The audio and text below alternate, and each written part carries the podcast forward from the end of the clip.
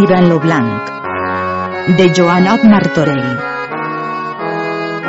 Podcast en versió textos pits de l'edició a cura de Martí de Riquer.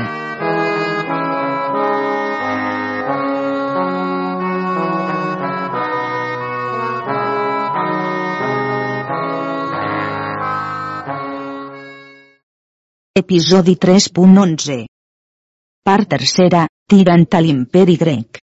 Capítols del 217 al 229. Capítol 217. Demanda de Conor que fa tirant a la princesa. Lo piadós parlar porta psi tristor als oïdors, en especial en aquells que ap molta amor amen. He parme a tot mon seny que lo vostre mal tinc jo sobre los meus ulls. E si tanta mercè me volia fer la celsitud vostra enferme part del mal qui us atribula, o almenys dir-me la causa qui us fa planyer, la mia ànima en aquest món sentiria glòria. E lo que dic a la majestat vostra és perquè ho conec en l'alteració de la vostra cara, que so cert que és quitia de tota culpa. Necessària cosa és, si voleu que visca, que mudeu la vostra cara que no siau desconeixent vers mi. Perquè us suplic, encara que de mi acabat remei no espereu atènyer, almenys no por ser que algun útil no em vinga a la vostra excel·lent persona. He deixant la major part de mes paraules, perquè veig no tindria temps de poder-les recitar, solament diré l'extrema pena que lo meu cor en si porta, com no puc tot lo temps de ma penosa vida poder contemplar la vostra sobresingular bellea. Ara no so poc content en haver prorrogat lo manament que per la majestat del senyor emperador m'era estat fet que anàs al camp. No pogué més retenir tirant que dels seus ulls no destil·las en vives llàgrimes, e conegué que la princesa mostrava enullar-se'n, e dix. Senyora, ab sobres gran treball, per no fatigar l'altesa vostra, de tindre dins mi l'extrema passió que la mia atribulada ànima sent, que del casre del tan atribulat cos se vol partir si ha pena tal té de viure. E si la majestat vostra s'enutja de les mies atribulades paraules, assatjaré a penamorats serveis mudar la malvolença que en extrem mostrau contra mi, mostrant alegrar-vos de la pena que em veu passar, en no res menys no voler consentir que sol les mies mans toquen les vostres vestidures. Aquest és lo premi que jo espere de ma benvolença. Puixa així és, en defensa de virtut me deixaré de viure, aptat que us veia posseïdora d'excel·lent corona de l'imperi grec per mos mal premiats treballs que après ma fi restaran per immortal recordació de gens. No pogué més parlar tirant, per la molta passió que sentia, e la princesa a veu baixa feu principi a tal parlar. Capítol 218 La resposta que feu la princesa a tirant. A menys càrrec que poré vull satisfer a ta demanda, per so com és cosa que vergonyap si porta, car la mia llengua ab gran treball pot formar tals paraules, ne la mia cara, no gens bella, qui és temerosa i molt vergonyosa, te darà causa de negar que un tan lleige gran de fal de missa parte. No vull més ab tu contendre de paraules, perquè conegues quanta és la mia paciència i humilitat. Car los solícits treballs i malaltia que la misèria humana si porta, fa dolre la mia atribulada pensa, e així passaré lo temps de ma penada vida celant la granea de la mia extrema pena. E no pense sia tan poc lo treball que comporten de tenir tan gran dolor coberta, car los plors e sospirs que als atribulats turmenten, és gran descans poder-los manifestar a persona fel, e per so jo ame de present lo que tu, per ventura, ames en esdevenidor. Eh no li pogué més dir, per so com los metges vingueren acompanyats de l'emperadriu. Tirant pres llicència e anassen a sa posada pensant os temps en lo que la princesa dit li havia, e fon posat en gran pensament. E així estigué sens menjar, que no volgué eixir d'una cambra fins que lo constable anà al palau e parlar molt a Estefania a pler de ma vida, els dix lo for pensament que tirant tenia del que la princesa dit li havia. Quin remei podem dar dix Estefania a la sua gran dolor, car tant com jo adobe de dia ho desbarata la viuda de nit. E com jo li parle de res de tirant, lo que de primer no feia, anys volia nit e dia no parlassen d'alre, e de ses amors com se regiria, ara ses sots mantell d'honestetat coberta, e aquesta que té lo cor temerós l'enteniment grosser en amar, i entra molt mal e gran dificultat en amor. E la viuda, qui sap aquest càrrec d'amor per ella conegut, li muda tot lo joc com a maestra en l'art. E tots los qui amen són secs, e no estemen ni miren en tals afers, car si la viuda no fos, no una vegada, mas sent jo l'haguera fet entrar dins la sua cambra, volgués o no, així confiu aquella nit al castell de Malvei. Però, puix a mi no és tolta llibertat, ap baixaveu jo li parlaré de tiranta pombra de piadosa amistat. He finit llur parlaments en entraren en la cambra on era la princesa amb grans raons ap la viuda reposada, e no li pogué parlar, e conegué Estefania no era hora disposta per parlar a ella. L'emperador, que sabé que lo conestable era allí, pensa tirant i devia ésser també, feu-los cridare, com devien tenir-lo consell, dix l'emperador. Anem a la cambra de Carmesina, e allí veurem com està, car ui tot lo dia no es sent bé. Lo conestable se més primer, après venia l'emperador e tirant, après tots los del consell los qui anar i volgueren, e trobaren que la princesa estava jugant a la viuda a naips, apartades en un cantó de la cambra. E aquí s'assigué l'emperador prop d'ella demanant-li de son mal, e ella prestament li respòs. Senyor, com jo veig la majestat vostra, sobtosament se parteix lo mal de mi, girant los ulls de vers tirant-te prenent-se a somriure. El emperador pres gran plaer en les raons de Carmesina, e molt major com la veu en tan bona disposició. E aquí parlaren de moltes coses, e la princesa de bon grat responia en tot lo que tirant li deia, car la viuda reposada li consellà fes festa tirant, no tant com solia de primer, mas domèsticament així com els altres. E la viuda volgué que tirant no se'n tornàs en sa terra, mas que perdés l'esperança de la princesa de no amar-la, e que amàs a ella, e per so d'ella tota maldat lo que dit havia la princesa, per so fon ella causa de tanta dolor. Com fon quasi nit, L'emperador amb tots los homes se n'anaren cascú en sa posada. El emperador l'endemà congoixava tota la gent se degués partir per anar al camp. E tirant tots los altres desempatxaven lo més que podien. E Estefania, parlant aquella nit amb la princesa, més la noves de tirant, e la princesa prestament li dix. Calla, Estefania, e no em vulles més enutjar, car los sants de paradís, qui són cascuns en gran autoritat posats, són poc ansiosos del que tu dius ni de nostres misèries, car a altres coses de virtuoses obres nosaltres havem a guanyar premi qui no s'ateny sinó a mèrit de pròpia virtut, car tots aquells qui fan semblant d'amor no són de natura d'or, qui a tot lo món plau, així els grans com els pocs, els rics com els pobres, ni poden ser tots d'una voluntat, car uns són amics de paraules e serveixen de vent, e d'açò i tal fan semblant fins a la boca, car si jo et recitava tots los seus singulars actes, ell és cavaller no conegut sinó en temps de treves, però jo callaré fins a tant que la fortuna adversa done llicència a mi de parlar. Segueix ser, de tu, que a pintades paraules vols posar ma vida en perill, e val més que anem a dormir ans que la mia tribulada persona passe més dolor. Estefania volgué parlar, i ella no ho consentí. La princesa se'n partí Estefania restà pensament de dona mortal. E així passaren dos o tres dies, e la princesa mostrava la cara afable a tots e per lo semblant a tirant per so com sabia que prestament se'n tenien de partir. E davant l'emperador li dix. Senyor, veus ací tirant, lo vostre virtuós capità, lo qual pens que dins breu temps farà del soldat lo que ha fet del gran caramany del rei de la sobirana Índia així com feu del rei d'Egipte, car certament, si tot lo món havia batalla, aquest sol seria per guanyar honor i fama perdurable entre aquells qui vendran après d'ell, lo qual de singular premi és mereixedor, lo gran bataller, car a verdader core sens frau negutos temps les batalles ha fetes e amb gran humilitat les ha ofertes a la majestat vostra parla l'emperador e dix. Capità virtuós, jo us regracie molt les moltes honors que m'haveu fetes, e prec vos que així com fins ací haveu ben obrat mostrant la molta virtut vostra, que ho façau així d'ací avant, o millor, que tal esperança tinc de vos, e nostre Senyor me faça gràcia que us puga premiar segons lo vostre molt mereixer. Com tirant veu tantes de raons superflues, e que la princesa ho havia principiat quasi a manera de mitges carn, no li pogué dir altra paraula sinó. Serà. Tirant per voler anar a sa posada davallar per una escala, e fon en una cambra on trobar lo gran constable l'Estefania pler de ma vida a grans raons. E tirant s'hi acostà e dix-los. Vosaltres, germanes mies, de què parlau?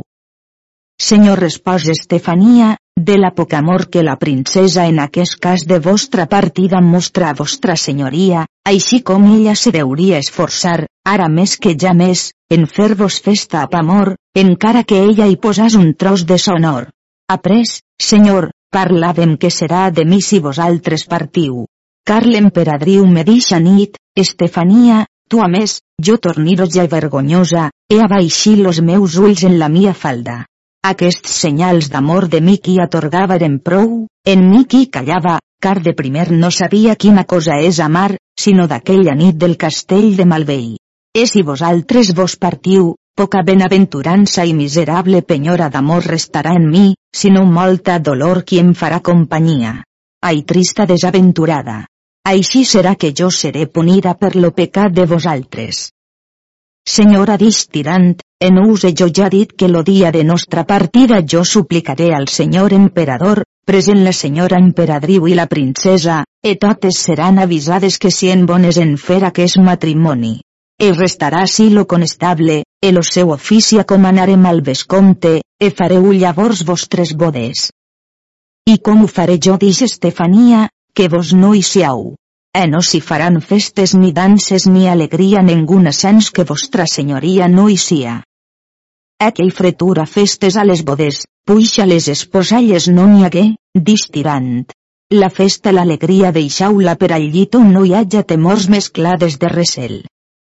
E estant en aquestes paraules, davalla l'emperador ab carmesina per la mà, e pensa tirant en aquella hora tenien disposició de dir-ho a l'emperador, e acostàs lo virtuós tirant a l'emperador, e, present la princesa, dona del genoll en terra ap veu humile de molta gràcia acompanyada, feu principi a la següent suplicació. Capítol 219 Suplicació que fa tirant a l'emperador.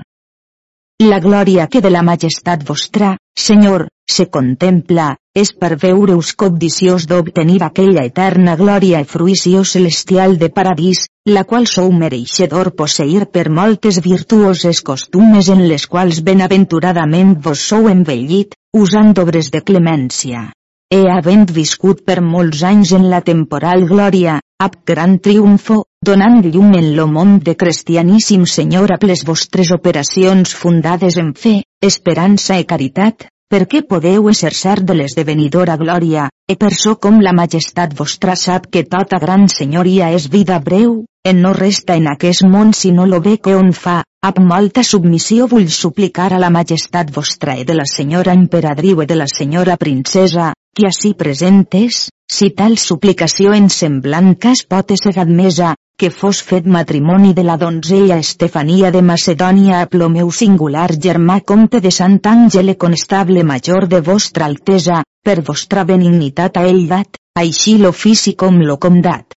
Com semblants matrimonis si en lligams de grandíssim amor, majorment com ne proceixen fills qui per a tos temps resten vassalls i servidors de la imperial corona, e tots los parents i amics per amor d'ells.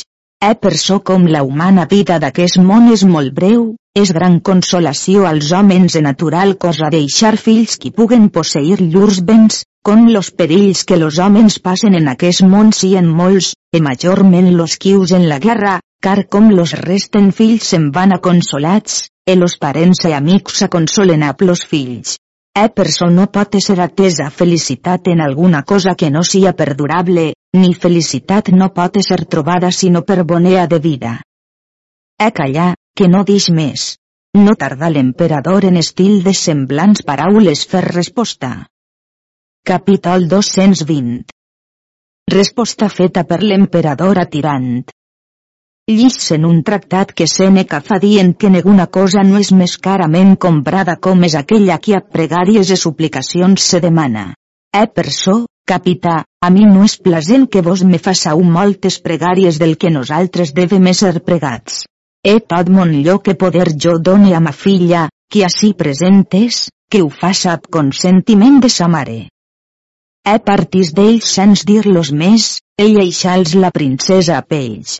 Com Estefania veu que l'emperador s'era partit d'ells així estroncadament, presumí que a l'emperador no plaia que es fes lo matrimoni, essents més pensar i eixa la companyia de la princesa e de tirant, del conestable de plar de ma vida, e sola se n'entra en una cambra, e aquí començà de plorar e fer gran dol.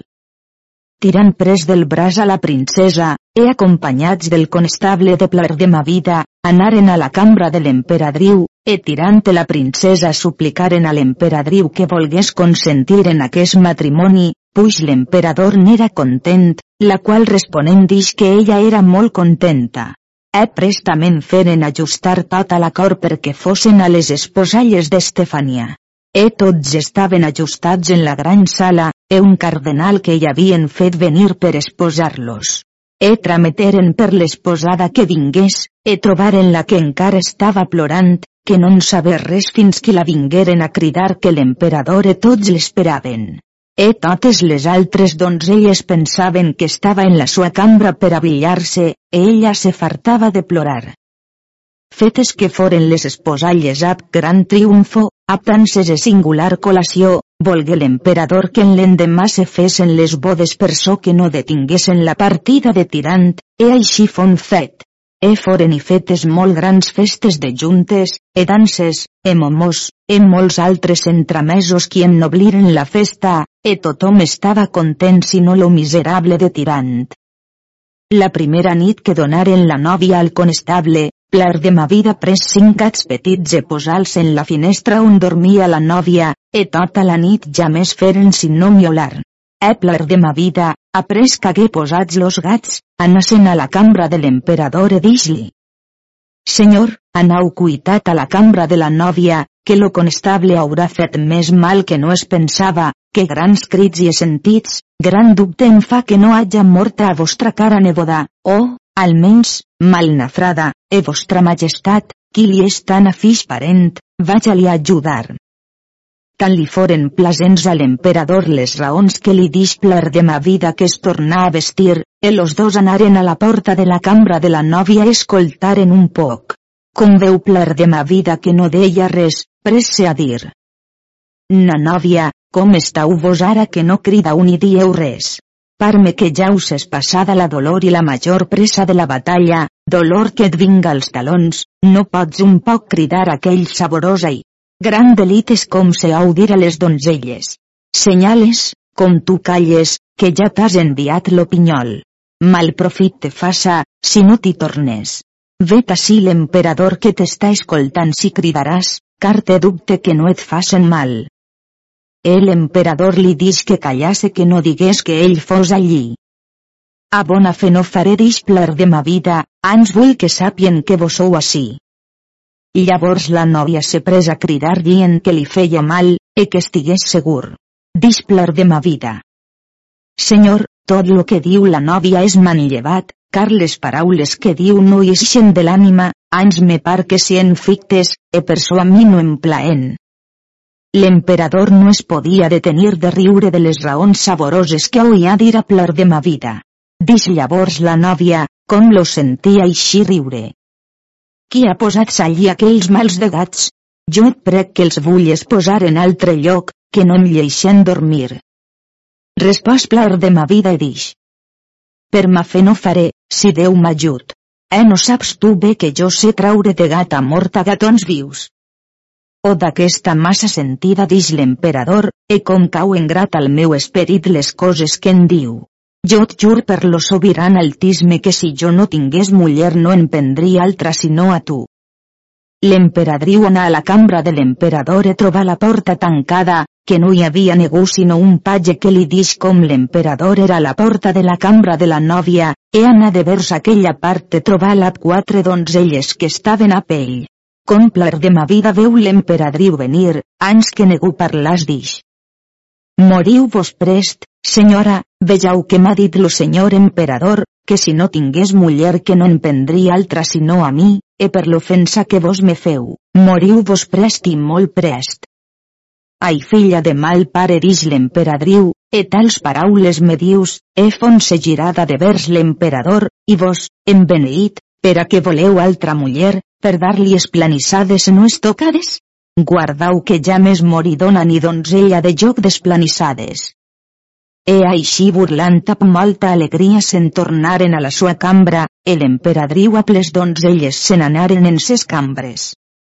L'endemà per lo matí tothom s'alegrà feren molta d'honor al constable a la novensana. Portaren-los en la major església, on oïren la missa amb molt gran honor. Com hagueren dit l'Evangeli, lo sermonador pujà en la trona feu un solemne sermó preicant de vicis i de virtuts.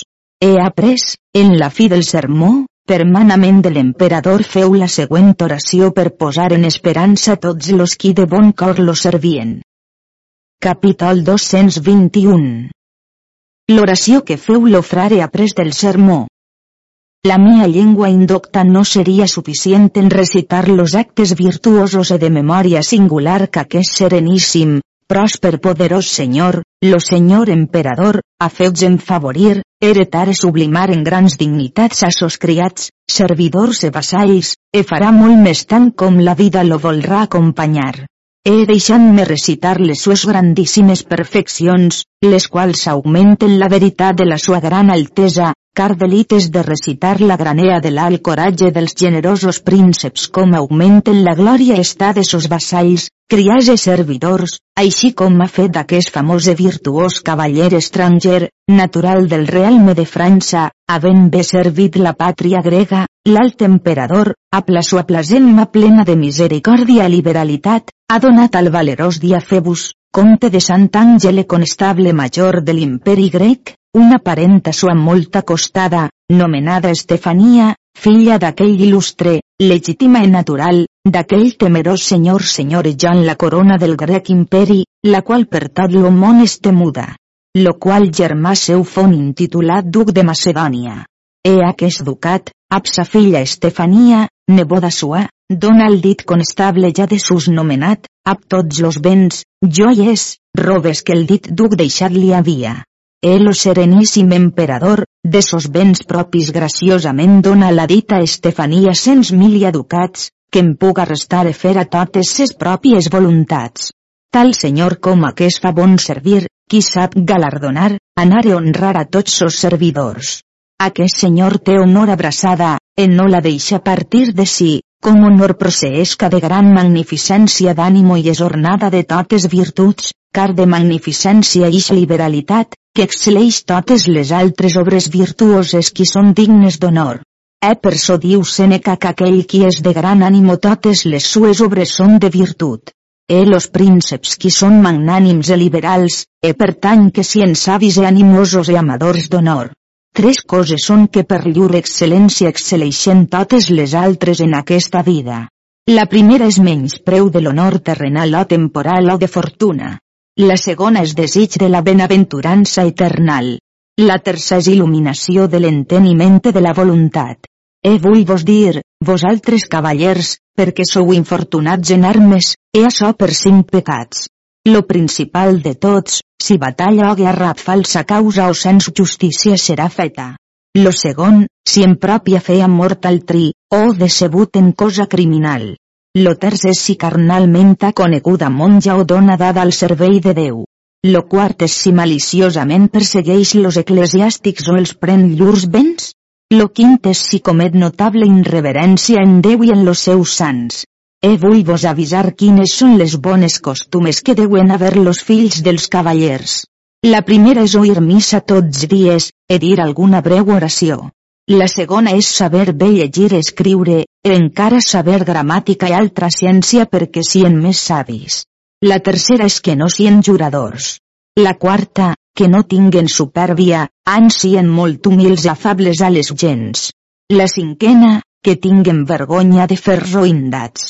La sisena, haver temor de Déu és ser obedients a Santa Mare Església.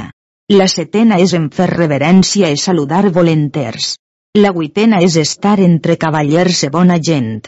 La novena és que no sien massa parlers ni atrevits en mal parlar. La dena és que no sien jutjadors ni escarnidors. L'onzena és que no sien mentidors ni maldients. La dotzena és que sàpien ben servir, e ben cavalcar, e ben acollents. La tretzena és que sien ben nodrits de menjar e de beure. La catorzena és que sien lleals i honests. La quinzena és que no sien jugadors. La setzena és que sien nets.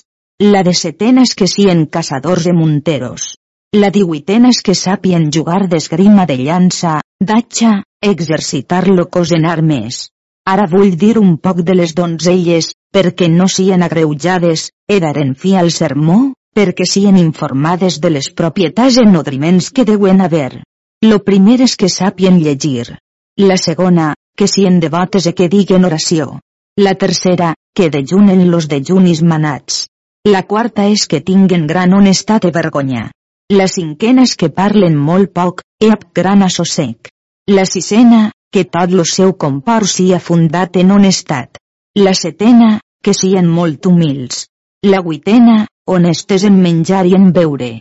La novena, que tinguen gran temor i obediència. La dena és que no estiguen ocioses. L'onzena és que no sien escarnidores. La dotzena és que sien simples i humils. La tretzena, que sien aptes en bones costumes femenils e no estiguen ocioses.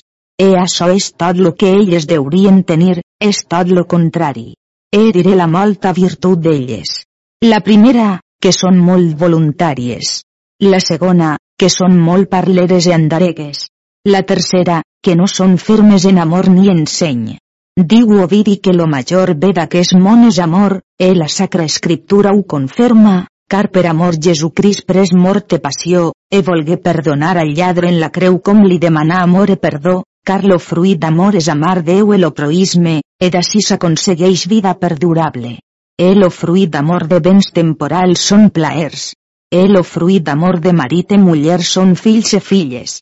Aquestes són les virtuts que proceixen d'amor, franquea, que tot cavaller deu haver, ardiment, cortesia, humilitat, gentil eloqüència, alegria, reteniment, modèstia, proesa, paciència, coneixença, discreció, e bon saber e bon coratge animós. Les següents coses deu jurar lo cavaller. La primera, que ell virilment farà lo que son senyor li manarà. La segona, que ja més desempararà cavalleria. La tercera, que no haurà temor de l'amor per defendre dones i donzelles, la república i la Santa Mare Església. E la virtut que el cavaller deu haver si és, la primera, que sia verdader. La segona, que sia lleal. La terça, que sia esforçat. La quarta, que sia liberal. La cinquena, que ame justícia. Car diu Sant Joan que l'home just justifica lo malvat, car aquell que lo just condemna, a Déu és abominable, de sa per gràcia, e d'ellà per glòria. Capítol 222 Com l'emperador donà lo títol de duc de Macedònia al conestable. Complit lo sermó, e la missa, l'emperador feu portar los cents mil i a ducars e totes ses robes e joies, e tot quan son pare li havia deixat.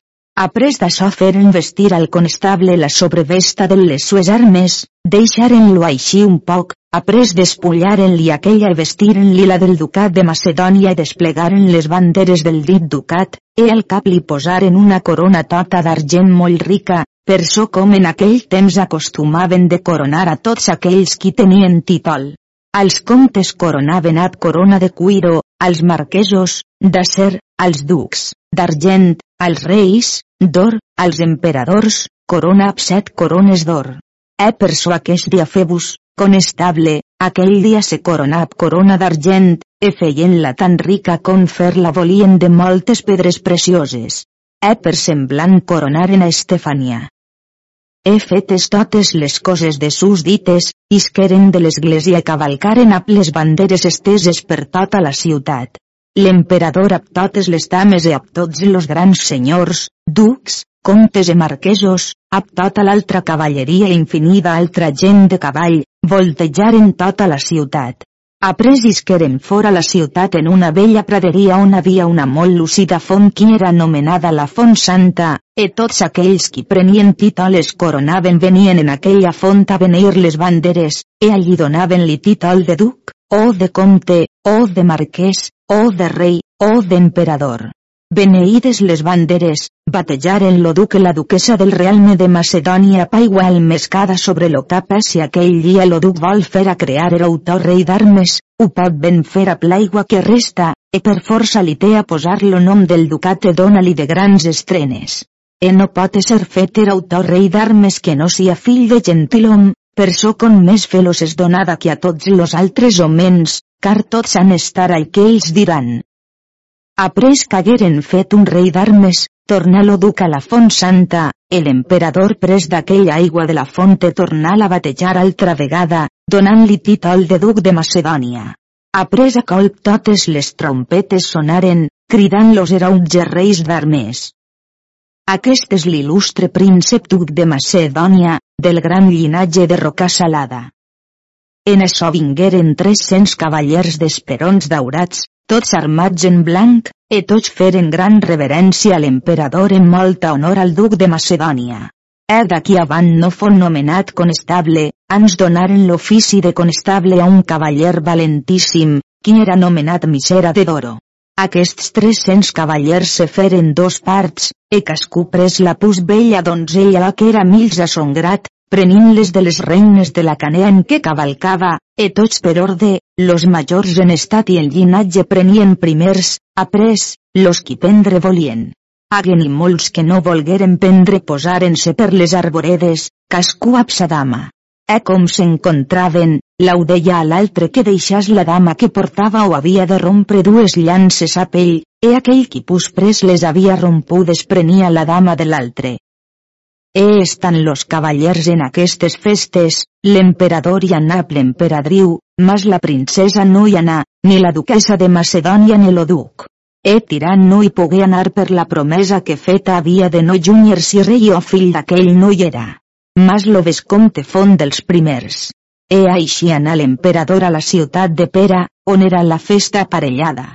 Era ja passat jorn que encara los cavallers no eren tots tornats, el emperador se fon posat alt en una torre per mirar, e com los cavallers venien rompient les llances davant sa majestat. El emperador feu sonar un gran corn que de més d'una llegua podia ésser oït, e tots los cavallers, oït lo corn, tiraren la via de pera. E foren eixits altres 300 cavallers, tots d'una color vestits, e prengueren lo pas no deixant-los passar, e aquí fon fet un fet d'armes molt singular, en lo qual l'emperador hi pres molt gran plaer. E totes les dones e donzelles qui preses eren se'n fugiren dins la ciutat e lleixaren sos cavallers enmig del camp. Lo combat dels cavallers durà ben dos hores, que l'emperador no volgué que els departissen, e com hagueren rompudes totes les llances, après combateren amb les espases. L'emperador manà sonar les trompetes, e tots se departiren, los uns a una part, los altres a l'altra. Com foren departits los cavallers, cascú cercava sa dama, e no les trobaren, e anaven dient que los altres cavallers les havien preses, e cascú feia sa lamentació davant l'emperadriu i la princesa per les dames que havien perdudes. Ells respongueren no sabent-hi res, que creien que los altres cavallers les tenien amagades. Aquells, ab gran fúria, ab les espases altes anaren de vers los altres cavallers, e tornaren-se altra volta a combatre? Com hagué durat per bon espai, veren les dames en los murs del palau. Sonà una trompeta e tots s'uniren e donaren de peu en terra, e ab gran esforç combateren lo palau, i elles defensant-lo, mas los de fora hi entraren per força d'armes. Com foren dins lo gran pati, se feren dues parts, e prengueren un rei d'armes, e trameteren-lo als cavallers qui darrerament eren eixits los plaguers d'anar-se'n, que ells eren allí per cobrar cascusa dama les que guanyades havien. Ells los feren resposta que per cosa en lo món ells no se n'irien, com ells volien part, la que els pertanyia, puix havien posades les llurs persones en tan gran perill de mort. Sobre això, ells feren armes a peu dins lo palau, e fon una molt delitosa cosa de veure, car los uns caien de sa, los altres d'allà, los altres apatxes se donaven de meravellosos colps, e aquell que perdia l'atxa no podia més tornar a combatre, ni aquell qui en terra tocava de cosa de mà. Per tal forma se combateren que vingué lo combat a Déu per Déu, e llavors ho feia molt bé i veure. A la fi l'emperador feu-los de partir, he après que tots foren desarmats foren en la gran sala, he aquí dinaren-se. Après lo dinar dansaren. Com fon mitja hora ans del sol pos prengueren sa ballar feren una bella dansa llarga, e prengueren la princesa e totes les dames, e així ballant anaren fins a la ciutat de Contestinoble. Après lo sopar, tiran presa tots los de sa parentela, los quals eren 35 cavallers e gentils homens, qui eren venguts a Tirante a ploves comte de branches. E per so s'anomenaven ells de roca salada, per so com, en aquell temps que conquistaren la petita Bretanya, eren dos germans, el era capità i parent del rei d'Anglaterra, lo qual era anomenat Uterpandrago, qui fon pare del rei Artús. E aquest capità lo germà seu ensems prengueren un fort castell, lo qual estava sobre una gran roca qui era tota de bona sal, e lo castell fon edificat sobre aquesta roca. E per so con fon lo primer castell que ells per força d'armes prengueren ab gran treball e perdiment de molta sang, deixaren lo nom propi d'ells e prengueren lo nom de la conquesta, e lo germà major fon intitulat Duc de Bretanya. Lo rei de França tramés-li a dir per sos ambaixadors que li daria una filla sua per muller, e a voluntat del dit Uterpandraco, tramés son germà en França perquè l'esposàs. E com ell la veu de tan admirable bellea dixa al rei que ell no tenia procura de son germà per esposar-la, per quan lo duc no la tendria per muller sua que altri l'hagués esposada. E feu lletres fictes de creença que donà el rei de França, e ell hi donà fe, i lliurà-la i a plos 200.000 escuts, ab condició que dins tres anys s'hagués intitulat rei de Bretanya. E lo germà tot ho atorgà, lo que lo rei volia. E porta-la sent molt ben acompanyada, segons sa filla de tal rei se pertanyia, e porta-la dretament al castell de Rocasalada. Deixa tota la gent en la vila, he pres la donzella, he posat-la dins lo castell, he prestament l'esposa i la pres per muller. Com lo duc de Bretanya, germà seu, saber tal no va, preso amb molta paciència per lo gran bé que li volia. Los cavallers qui a la donzella eren venguts tornaren-se'n en França i digueren-ho al rei, lo qual ho pres en gran greuge, e prestament ajustar totes ses hosts, e ab gran multitud de gent d'armes anà per posar siti sobre lo castell de Rocasalada. Lo duc de Bretanya, qui sabé que lo rei de França venia per destruir a son germà, tramés-lo a suplicar que no ho fes, e d'altra part lo duc tramés a son germà molta gent en moltes vitualles, el forní de totes les coses necessàries en defensió d'un castell. El o rei tingué siti al castell un any i dos mesos, e per molts combats que hi donassen ja més lo pogueren prendre, ni negun d'en fer. El o duc era a lo rei, e tos temps lo suplicava que volgués perdonar a son germà. Com lo rei veu que no el podia ver, tractaren matrimoni d'altra filla a lo duc, e perquè son germà no hagués mal, consentí lo duc en fer tal matrimoni com feu, que pres filla bastarda sens dot negu. E tots los qui eren allí Tirant eren d'aquella pròpia línia, qui eren de llinatge molt antic, e hi havia hagut dos temps de molt virtuosos cavallers, e singulars dones de gran honestat. Tirant, en aquell cas, ab tots los del llinatge de Rocasalada anaren a besar-lo peu la mà a l'emperador fent l'infinides gràcies de la molta mercè que els havia fet en donar sa bella neboda per muller a Diafebus. He après que tots li hagueren fetes les gràcies, l'emperador ab cara molt afable feu principi a un tal parlar. Capítol 223 Resposta que feu l'emperador atirant en presència de sos parents. La glòria d'aquest món no està en parenceries, sinó en ben obrar. E per la molta virtut que en vos, tirant, tinc coneguda, vos ame d'infinida amor, essent meu Dios lo nom d'altri qui parenta mia haja d'haver sinó del llinatge de roca salada, e açò per lo premi vostre, car la granea del delit que prenc com me record dels vostres singulars actes me fa oblidar tot altre llinatge, e per so vos havia jo pregat, perquè fósseu més afixa la corona de l'imperi grec, que volguéssiu prendre Estefania, neboda mia, per muller, a Ploducat de Macedònia i a moltes altres coses que jo us haguera dades. Mas diu lo vulgar parlar que no deu un tant amar altri que faça un mal així. E com no havia prou dia fer-vos, es devia tenir bé per content, de ser comte de Sant Àngel conestable major. Ni vos no volgués, en aquell cas que jo el vos dava, lo dit com dat, ans lo donàs a vostre parent, e ara vos donava lo ducat e tampoc l'haveu volgut a parenta mia bona i molt honesta. No sé qui us esperau. Si desitjau que us done lo meu imperi, no em façau compte, que jo el me mester. E certament jo crec que vos me faríeu pobrans que jo vos pogués fer ric, tant vos veig lo cor magnànim. E per so, qualsevulla cavaller qui és en terres estranyes apaptesa deu heretar a si mateix, pres treball en heretar los altres, car diferència deu ser feta entre vicis i virtuts, posant les virtuts davant. Car los vicis moltes vegades són dissimulats, qui apareixen virtuts, car no el món tan forts espies com aquelles qui s'amaguen sots semblança de lleialtat. No tardà tirant en replicar al parlar de l'emperador en estil de semblants paraules. Capítol 224 Rèplica que fa tirant a l'emperador.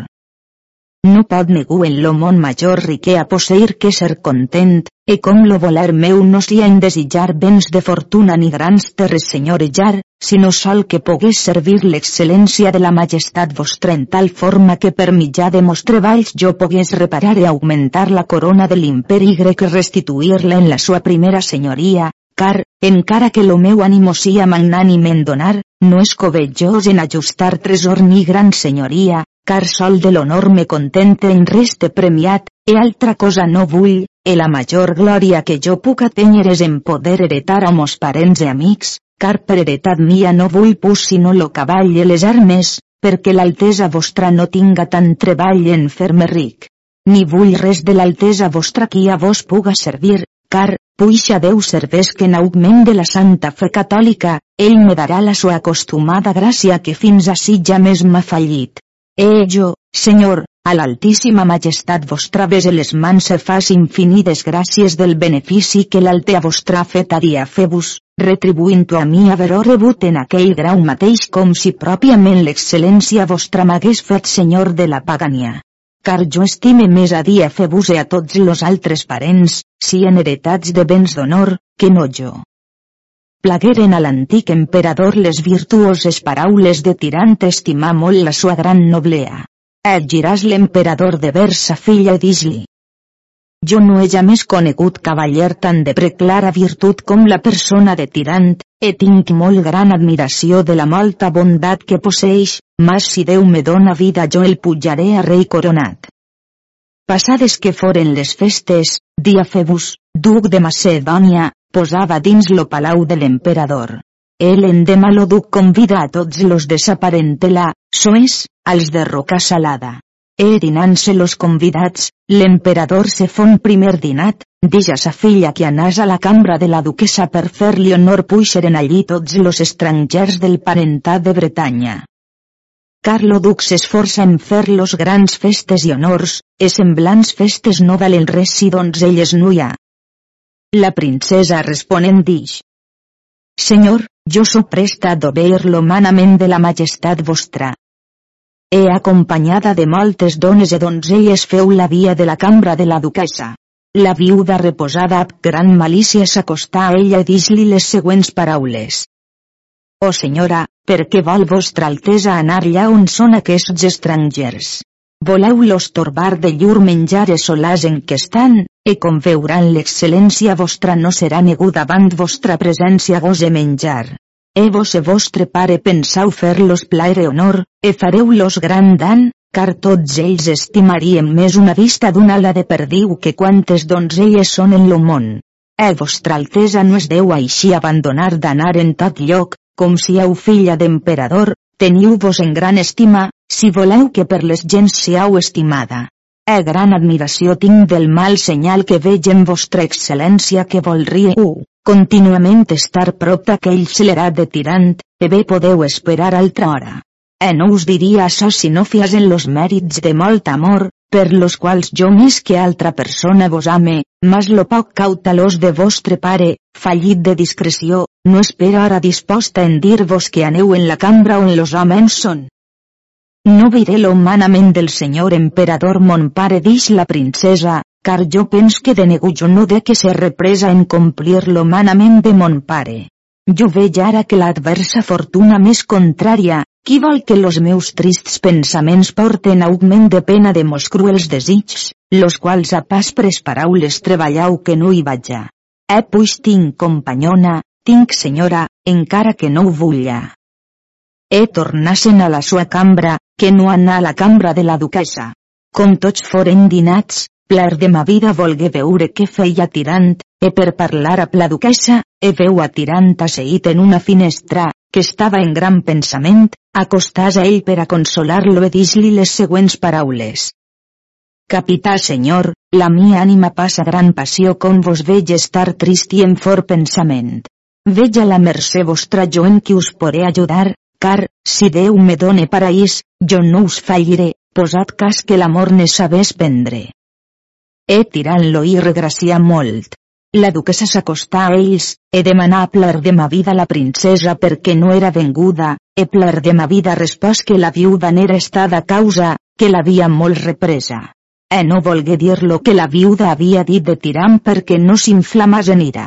No tardà la duquesa en fer principi a tal parlar.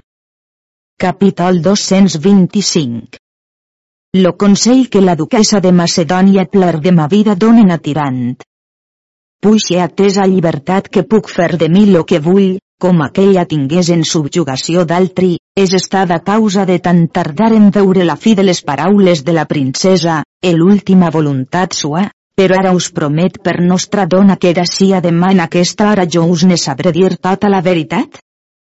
O desaventurada de mi, e con me dau penes de dolor displar de ma vida puix vos sou farta, poc curau dels dejuns, que voleu tant esperar. Car jo sé bé que no farà res per vos, que com vos li parlareu ella mostrarà tenir les orelles plenes de cotó tant com la viuda serà prop d'ella, car no vos dir lo mal que de vos, senyora, diu. Oh, com no tendria per benaventurat distirant, si o me fos. Car tot lo mal que diu se jo bé que tornaria sobre ell. Voleu fer verix plarmà de vida. Deixen lo mal a un de part te fas amb los fets, que los remeis après ells se venen, jo bé sé que no farem res si una poca de força no s'hi mescla, e diré lo que a mi par. La senyora m'ha dit que li faça adobar lo bany per a demà passat, e com tothom soparà jo us poré posar dins en lo retret ja on ella farà lo bany, que per ningú no sereu vist. E com ella eixirà del bany i serà dormida en lo seu llit vos poreu posar al seu costat. Cas novell e venturós podria ésser dit aquest, e així com sou valentíssim e virtuós en lo camp, és mester que us siau en lo llit. E aquest camí és lo més pres per a tenir la cosa desitjada, e si vosaltres ni sabeu negun altre millor, digau-ho, isca avant no reste com a cosa morta. Dix la duquesa. Deixeu-me primer parlar a ella, e segons ella cantarà així li respondré, car lo que tu dius a ésser lo darrer remei en dar compliment a la nostra empresa. Parla tirante dix. Ja més cosa que adquirir s'hagués per mitjà de fortuna no em plagué, car no volria fer cosa que fos en desgrat de ma senyora. Que em val a mi complir mon desig en sa altesa, que sia contra sa voluntat ans deliberaria cruel mor morir que jo pensàs en ninguna cosa enujar a sa majestat ni contra son voler se fes. Per la fe que de ja Déu, no en pren bon senyal de vos displer de ma vida, car si en vos és lo desig que mostrau de bé amar, no fugiríeu al pas estret que per mi vos és ofert, e ves mostra clarament l'experiència de mon treball, la qual és desitjosa de servir-vos e procurar tot lo bé que a mi és possible, i encara més del possible, e veig que us enramau e voleu passar per carrer qui no a cap cercau d'ací avant qui us dóna remei a vostra ficció, que no me'n vull més curar.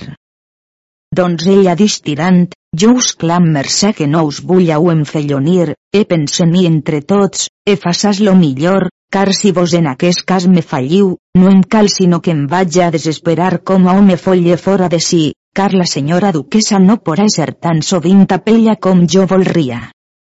natura angèlica no us podia dar millor consell displer de ma vida que jo us dava, car som ara en llei de gràcia no de justícia, e pus propi, e sens comparació dir, que lo vostre ànimo no ha pogut veure lo plasent delit així com jo el vos tenia aparellat, amant-me honor e perseguint com a cavalleressa lo que havia principiat, que per una via o per altra haguésseu a sentir la sua dolçor, car manifesta cosa és que, si les dolces coses ja més se gustaven, no vendria hom a sentir la llur dolçor.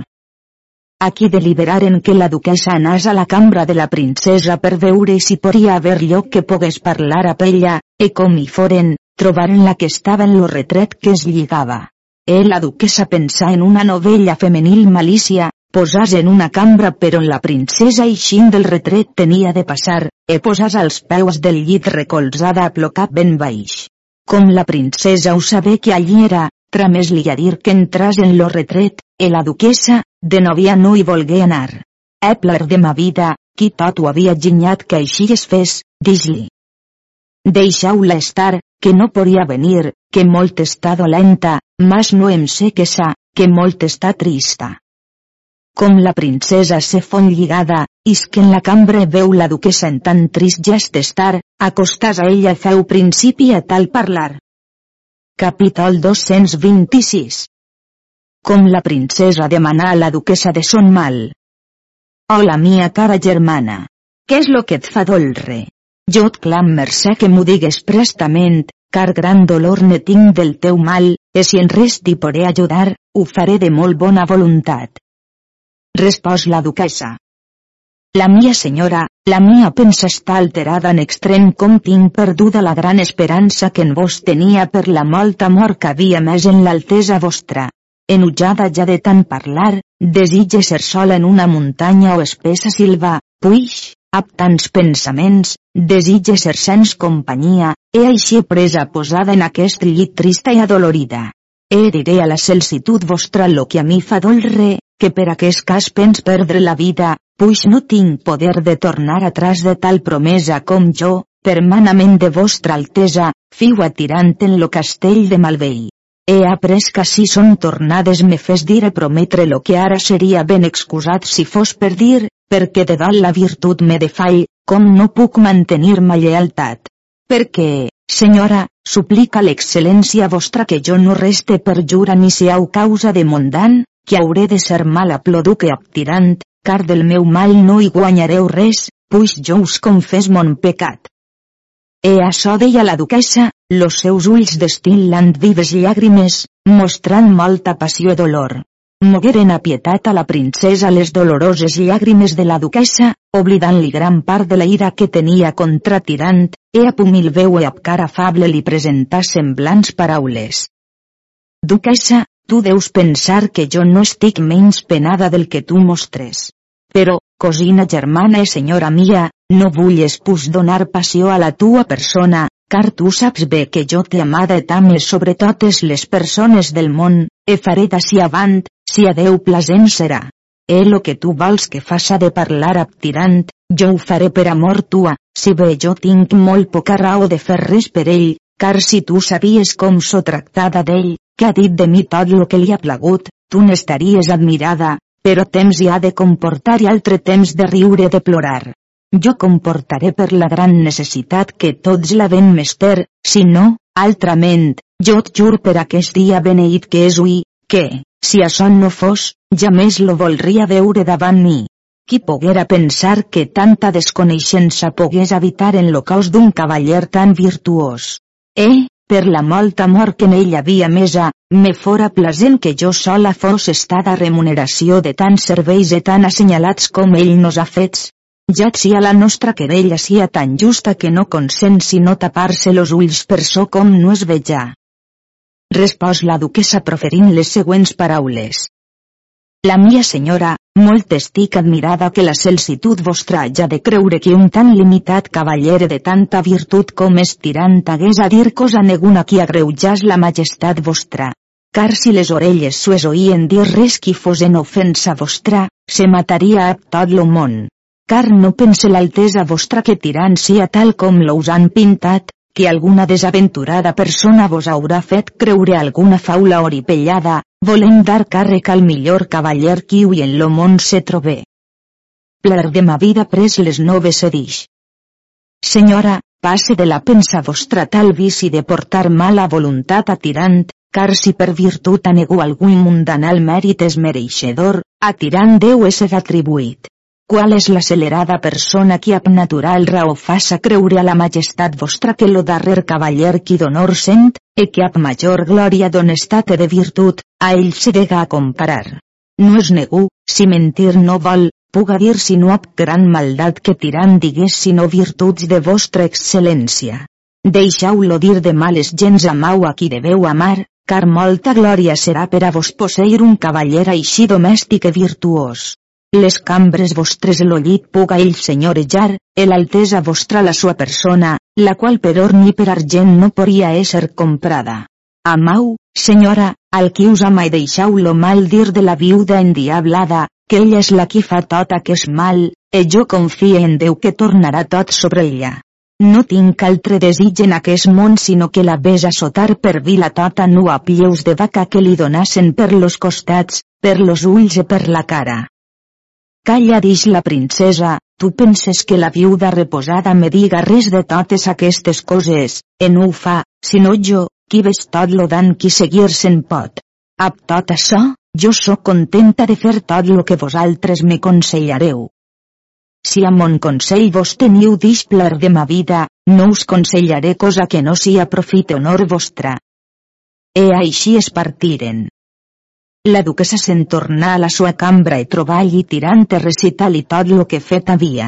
E tirant, molt content l'alegre, isque en la gran sala on era l'emperador i la princesa l'emperadriu amb totes les dames, e allí dansaren fins per bon espai. E la princesa no es deixava de fer gran festa tirant. Finides que foren les danses, e la princesa qui es fon retreta per anar a sopar, la viuda reposada s'acostà a ella, e sans que per negu no podia ésser oïda, li presentà semblants paraules. Capítol 227 Reprensió que fa la reposada viuda la princesa. Lo parlar que l'excel·lència vostra fa, augmenta ma dolor, com jo sia, sobretot altra dona, dolorosa, cremada d'amor d'honestat, sens ella sorrestada vent vostra altesa a plos ulls oberts voleu entrar dins lo pou de perpètua infamia. E per causa de tal inconvenient visc desesperada, e dolc-me d'aquella cosa que amor consent, maleïn l'egipciac dia del vostre trist naixement, car moltes gens, ocupats de girar los ulls envers vostra majestat, après tornant-los envers mi, ap for resistència dient tres vegades, o viuda, o viuda reposada. Com pots consentir com estranger s'emporte la despulla de la virginitat de Carmesina, pensau, qui ho dir semblants paraules, si tinc ocasió de dolre-me d'abandonar la vida, car sé que ninguna de nosaltres no farà ofensa a la majestat vostra. E morint jo, seria millor per a mi, e seria alliberada d'aquesta pena, per reviure en reposada mort, per so que les mies orelles no hagen d'oir que jo hi sia estada consenta. E per so los meus ulls de vives llàgrimes destil·len.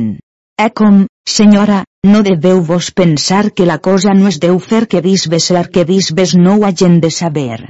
He perdit de vostra majestat, en presència de moltes gens, haveu dit, en us ne sou sabuda celaren dir, que no volíeu prendre marit estranger, sois, rei o fill d'aquell, per no saber les llurs costumes, si seria ardit o covard, e que vos no havíeu mester béns de fortuna, car nostre senyor e vostre pare vos n'havien prou donats, e no volíeu ser subjecte a negun altre, rei o emperador, del món, e que si marit havíeu de prendre no seria sinó sal tirant, aquell volíeu e altre no. Tot so que dic, senyora, no és sinó per reduir-vos a memòria, com ja us ho haja dit altra vegada. És si solament per la fantasia us passa de voler-lo per marit, si l'altesa vostra fa res, qui de sonés sia, a pell, com sereu sa muller no dubtarà de dir-vos com serà felló, anau per a mala dona, que lo que fes a mi també ho haguereu fet a altre, qui serà aquell qui lo seu cor puga assegurar que tos temps no sia recelós. E sap Déu si n'haurà gran raó de no fiar ja més de vos, mas de tenir-vos tots los dies de vostra vida tancada sens deixar-vos parlar a negu. Açò mereixerà la vostra persona, la qual usant de virtut, sereu dita noble virtuosa, fent lo contrari, sereu tenguda per vila i per deshonesta. Ansia la mia amor que tals coses vegen los meus ulls, ni les mies orelles tals noves oyen. E no volgué més dir, esperant oir què respondria la princesa. No fon poca la passió que en aquell cas l'ànima de la princesa sentí com no tenia temps per satisfer a les verinoses paraules de la maliciosa viuda, per tant com l'emperador estava ja en taula que estava esperant a la princesa, e dues voltes l'havia tramesa a cridar. Dix la princesa. Na viuda, es fora lo meu sopar delitós si jo pogués ara satisfer a tot lo que m'haveu dit. Isque del retret, e la duquesa, que era allí per saber la nova si tirant iria aquella nit, e com la veu tan alterada, tota rolla de malenconia que tenia, no tingué atreviment de dir-li res. Però com pler de ma vida la veu de tal so estar, e la viuda que li venia detrás, dis-li. Oh senyora, tos temps he vist que com lo cel està roig senyales de tempesta. Calla, folla dix la princesa, tos temps dius follies. Pensau ella quina venia, que l'emperador ho conegué de manal i com venia així, si negu l'havia en res enutjada. La princesa respòs. No, senyor, mas des que en partí de la majestat vostra, so estada agitada en lo llit per dolor que m'havia venguda al cor, però, per gràcia de nostre Senyor, he trobat gran remei en la dolor. Manà l'emperador als metges entenguessin en lo seu menjar. E ells ordenaren que lo sopar seu fos d'un faisà per so com és carn cordial per al cor. La duquesa segués al seu costat, no per voler menjar, mas per poder parlar a ella, que tirant l'esperava la sua cambra quan tornaria pla bona nova. E con foren a la fi del sopar, la duquesa s'acostà a l'orella, e a veu baixa li feu principi a paraules de semblant estil. Capítol 228 Raonament que fa la duquesa de Macedònia la princesa. Si la noblea de llinatge en nom de generosa moguena vostra altesa la fe per vos a mi promesa, isca avant vinga en efecte, car cosa manifesta porta testimoni de veritat, e cosa amagada, així com la viuda fa, mostra malvestat e fallonia.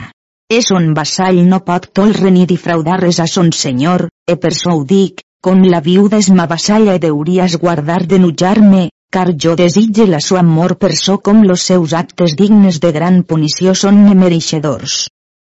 Duquesa mia dis la princesa, jo usame en extrem grau, e faré per vos tant com raonablement per una germana se pot ne deu fer i encara molt més avant, e deixau estar la viuda, que encara que sia vassalla vostra no hi té culpa en res. Eus demanen gràcia que no cureu d'ella, car jo no podria tant fer per vos com meritau.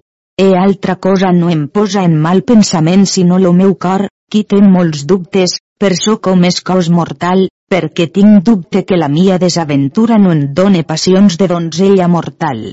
Perquè us prec que no em vull autolre lo que dar no em porie u car vos li podeu dar robes, joies per vostra gentilea, e diners per a despesa. E per so, germana mia, vos, qui sou tota plena de paciència, no cureu de mon parlar e deixau estar aqueixes cortesies per al dijous de la cena. Dix la duquesa. Senyora, responeu-me en lo fet de tirant, que us he dit, voleu que vinga aquesta nit? I serà aquella que ell espera amb tan gran desig no em diguésseu de no, per tant cara com teniu la vida.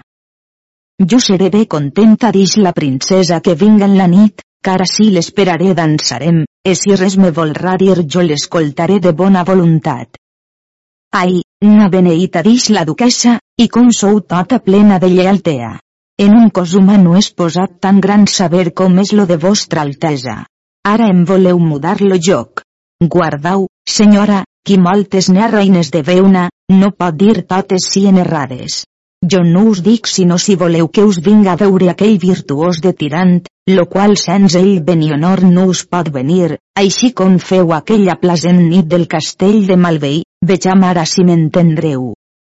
Tot lo meu pensament fon, com me parlas de tirant dix la princesa, no fos altra cosa sinó voler-me dir tot son mal, lo qual jo tinc tots dies davant los meus ulls adormits de dolor i de pensament.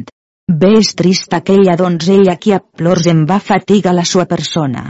Eh podeu bé dir a tirant que jo el suplic, com a cavaller digne de fe de virtut, se vulla deixar de temptar la mia ànima, la qual d'uns dies en sa plora gotes de sang. Mas que, après de la sua venguda, jo seré aquella que consentiré a major part que ell no pensa. Oh senyora dix la duquesa, ningú no deu plorar sinó sos pecats, e deu perdre treballs e oblidar aquells. E si ell fos mort en vista de vostres ulls, pus presto haguereu oblidat. E si la celsitud vostra tirant vol contendre, tornau davall los seus braços a aquella mateixa temor que estàveu aquella nit de malveïables prometences i jures que la majestat vostra li feu, e d'allí poreu dir e raonar tots los vostres singulars actes que feu sabeu. A l'home que és mort no li cal fer llonga esperança dix la duquesa, e de tota virtut e de gran gentilea, semblant donzella con vos, ornada de corona imperial, no és en tota la cristiandat ni menys en la pagania. Eh puix no fall vellea, no us deu fallir virtut de promesa fe. Voleu que us diga, germana senyora mia, dix la princesa. La fama l'honor vull guardar tant com la vida m'acompanyarà, et os temps en aquest propòsit me trobareu, car la donzella honesta deu amar sobre totes coses, e així ho faré jo, si serà plasent a Déu. La duquesa se'n partia molt gran enuig, e com veu tirant recital i tot lo mal propòsit de la senyora. Tirant multiplicant-se dolor en major grau que no solia. E com l'emperador hagués sopat, sabent que tirant era en la cambra del duc, tramés per ell e dix a la princesa. Trameteu per los ministres per so que los cavallers s'alegren, puix la partida és tan presta. No dix la princesa, senyor, més tinc gana de jaure que de dansar. He prestament pres comiat de son pare retragués dins la sua cambra per so que no hagués a parlar tirant. La viuda reposada, qui semblants paraules li oi dir, fon molt contenta del que fet havia. Pler de ma vida anar a la cambra de la duquesa erija tirant. Capità senyor, en aquesta senyora no tingau esperança neguna tant com la viuda li estiga de prop. Ja són ara retretes dins la sua cambra soles parlant de vostres afers, ella més haureu res en ella si no feu lo que jo us dic, demà fa lo bany, e jo us hi daré tal endreça que al vespre vos posaré en lo seu llit e trobareu la tota nua, majorment ara que jo dorma pella en lo seu llit.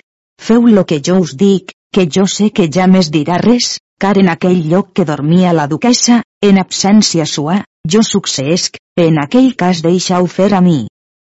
Doncs ella distirant, infinides gràcies sens les primeres fas a la vostra molta gentilea del que em dieu, e vull que sapieu tant de mi que per cosa en lo món jo no posaria força en dona ni donzella si sabia que degués ser en ira i avorrició de totes, encara que en sabés perdre la corona de l'imperi grec ni romà ni la mundana monarquia. Qui pot pensar jo fes tal força contra voluntat de tal donzella, la qual ame més que a la mia pròpia ànima? E com jo la fes plorar ni congoixar en semblant cas, voldria dar l'ànima a l'enemic ans que li fes una centilla de nuig ni dan. Com són les forts batalles e tinc algun mortal enemic en terra per tolre-li la vida, em demana mercè, li perdone, e açò fas per sola pietat que me'n ve, e sé que és enemic infel, que no té poder de perdonar a mi, he deixar-le, quan més a ma senyora faré jo l'últim dan qui a ell és més plau guardar. Dic-vos que per res no ho faria denutjar sa majestat, he posat cas ho volgués fer, l'ànimo no m'ho consentiria. Més estime estar e passar tota ma vida dolorejant a la noble esperança que tinc, en fer-li honors e servirs, armat o desarmat, a peu a cavall, de nit i de dia, estant en contínues suplicacions agenollat davant l'altesa sua, que vull haver mercè de mi. Car no vull que per vanaglòria i per mon delit jo sia cridat traïdor, car natura i honor me fan haver pietat. És com està poc en segur qui altri de sereta tort. E tota hora que los servidors cometen algun lleig cas contra llurs senyors, caen en gran infàmia intolerable, e són dignes de gran punició, e per so jo vull passar aquesta pena i treball en suplicar-la, com jo crega certament que ella és estada creada en paradís, segons mostra que la sua agraciada persona part més angèlica que humana. E feu fi en son parlar. Plar de ma vida, mostrant ser malcontenta de tirant, feu principi a un tal parlar. Capítol 229 Complar de ma vida dones força l'ànimo de tirant. Tirant, tirant, ja més en batalla sereu ardit ni temut si en amar dona o donzella una poqueta de força no i més clau, majorment com no ho volen fer. Puix teniu esperança bona i gentil amau donzella valent, anau a la sua cambra i gitau-vos en lo llit com ella i si anuau en camisa, e feriu valentment, que entre amics no hi cal tovalla. E si així no ho feu, no vull ser de vostra valia, car jo sé que molts cavallers, per tenir les mans prestes i valents, han hagut de ses enamorades honor, glòria i fama. O Déu, quina cosa és tenir la donzella tendra en sos braços, tota nua, d'edat de 14 anys. O Déu, quina glòria és estar en lo seu llit i besar-la sovint. O Déu, quina cosa és com és de sant real. O Déu, quina cosa és tenir pare emperador. O Déu, quina cosa és tenir l'enamorada rica liberal, qui t'ha de tota infamia. E lo que jo més desitges que féssiu lo que jo vull. E per so com era passada gran part de la nit e volien tancar lo palau, atirant-li font forçat de partir-se'n. E com hagué pres comiat de la duquessa, que ja se n'anava, pler de ma vida li dix. Capità senyor, no trobaria jo qui tant fes per mi, anau a dormir e no us gireu de l'altre costat. Tirant-se pres a riure dix-li. Vos sou la natura angèlica, que tos temps doneu bons consells. Qui dona consell displar de ma vida forçat és que hi posi del seu. Digau, doncs ella distirant, e no sabeu vos que moltes voltes s'esdevé que qui mal consell creu no pot ser que alguna volta no li'n vinga dane de sonor. E així es partiren. En la nit tirant pensar en tot lo que la donzella li havia dit. L'endemà per lo matí l'emperador tramés per lo capità, e ella nei de continente trobal que es vestia, e la princesa era venguda per servir-lo i estava en gonella de brocat en no portava drap en los pits, e los cabells un poc deslligats qui plegaven quasi prop de terra. Com tirant font prop de l'emperador, font admirat de veure tanta singularitat en un cos humà com en aquell cas en ella se mostrava. L'emperador li dix. Nostre capità, per Déu vos prec façau en totes maneres que si apresta la vostra partida amb tota la gent. Tirant estava alienat, que no pogué parlar per la vista de tan singular dama, e havent estat per bon espai recordar-se dix. Pensant en los turcs com he vist a vostra majestat, no he comprès lo que dit m'haveu, perquè suplica l'altesa vostra voler-me dir que vol que faça. L'emperador, admirat de la sua vista com la hi veu així alterada, el poc entendre qui havia fet, cregué que fos així, car per espai de mitja hora estigués sens record. He tornat-li a dir l'emperador la primera raó. Respost tirant. Senyor, la majestat vostra deu saber com la crida va per la ciutat notificant a tots la partida certa per a dilluns, avui és divendres. Així, senyor, la partida nostra és molt presta, e quasi tothom és ja en punt. Tirant se posà detrás l'emperador, per so que no el ves, e les mans davant la cara en vista de la princesa. Ella les altres donzelles alçaren molts grans rialles, e plar de ma vida davant l'emperador dix semblants paraules com encara tenia les mans davant la cara. Qui vol haver senyoria complida, és de necessitat a ja poder dependre de deixar so que ama, o son vassall, car sens poder senyoria poc val. He pres per lo braç a l'emperador e feu-lo girar envers ella i dis-li. Si tu res has fet digne de premi, atirant ses guarda, que desconfie d'ençar el gran soldat en bella batalla campal, e li feu perdre la sua ficta temerosa follia que tenien de senyorejar tot l'imperi grec, encara que ab belles paraules ell pensava en l'antic emperador, que així tenim present, e desemparant los reis turcs i los soldà, recorregueren a son segur, soes, a la gran fortalea de la ciutat de Bellpuig, no ab suaus passos, car la temor en llurs peus portava. Aquest ha guanyat premiat mèrit de pròpia virtut, e si jo tingués sactre real, o de l'imperi grec jo fos senyora de les mies entramenes carmesina fos eixida, vese jo aquí la donara per muller. Mas la follia de totes nosaltres, donzelles, no desitjam altra cosa sinó honor, estat e dignitat, e per causa d'això ne van tantes per mal cap que em valria a mi que fos ajustada al llinatge de David, e per falta de bon cavaller perdre lo que tinc. E tu, senyor, hages desig d'armar l'ànima, puix tens estalvi lo cos de les passades batalles, e no tingues esperança de dar a ta filla altre marit, diré. No faré, forçat és que ho diga, al virtuós de tirant halles aquesta consolació en ta vida, e no esperes que après los teus benaventurats dies s'haja de fer, car les coses que natura consente per Déu són ordenades, si es consenten aquelles, e hauràs glòria en aquest món e paraís en l'altre. Eh, jo no vull més recitar de mos actes, perquè no pertany a donzella dir lo que ella desitja ésser, mas naturalment als homes ho atorga. No vull desmenuir lo premi de mos treballs. Mira, poderós Senyor, e dels reis lo més cristianíssim, no vulles tu fer així com feu aquell rei de Proença que tenia una molt bellíssima filla qui fon demanada per muller per lo gran rei d'Espanya, e tant mostrar lo dit rei amar-la, que no la volgué ja més casar en sa vida. Seguís que per discurs de temps ella s'envellia en casa del rei son pare, e con fon vella morir lo rei, e no trobar la volgués per muller, llevaren de la terra, i a ella feren morir fora del regne, e morí en l'hospital d'Avinyó, e la innocent donzella consentia la pietat del pare. Giràs llavors de vers la princesa e dis-li. Tu, qui és d'alta sang queixida, pren marit toste ben tost, e si ton pare no te'n dona, si no jo te'n daré, e no et daré sinó a tirant, car gran cosa és, marit e cavaller, qui el pot haver en sa vida. Aquest, de proesa passa tots los altres, car moltes voltes s'ha seguit que per un sol cavaller són estats fets molts actes singulars, e portades a fin moltes conquestes qui de principi anaven a total destrucció. Si no, veja la majestat vostra lo desorde del vostre imperi ni lo punt en què estava ans que tirant vingués en aquesta terra. Callau, doncs ella, per mercedis tirant, en no vull audir tantes demasiades paraules de mi. Anau a les batalles d'Ixplar de ma vida i deixau-me a mi estar en les cambres de salut. Respòs l'emperador. Per los ossos de mon pare emperador Albert, tu seràs la més singular donzella del món, e com més va més de bé et vull. E ara de present te fas donació de 50.000 ducats d'estrenes damunt lo meu tresor.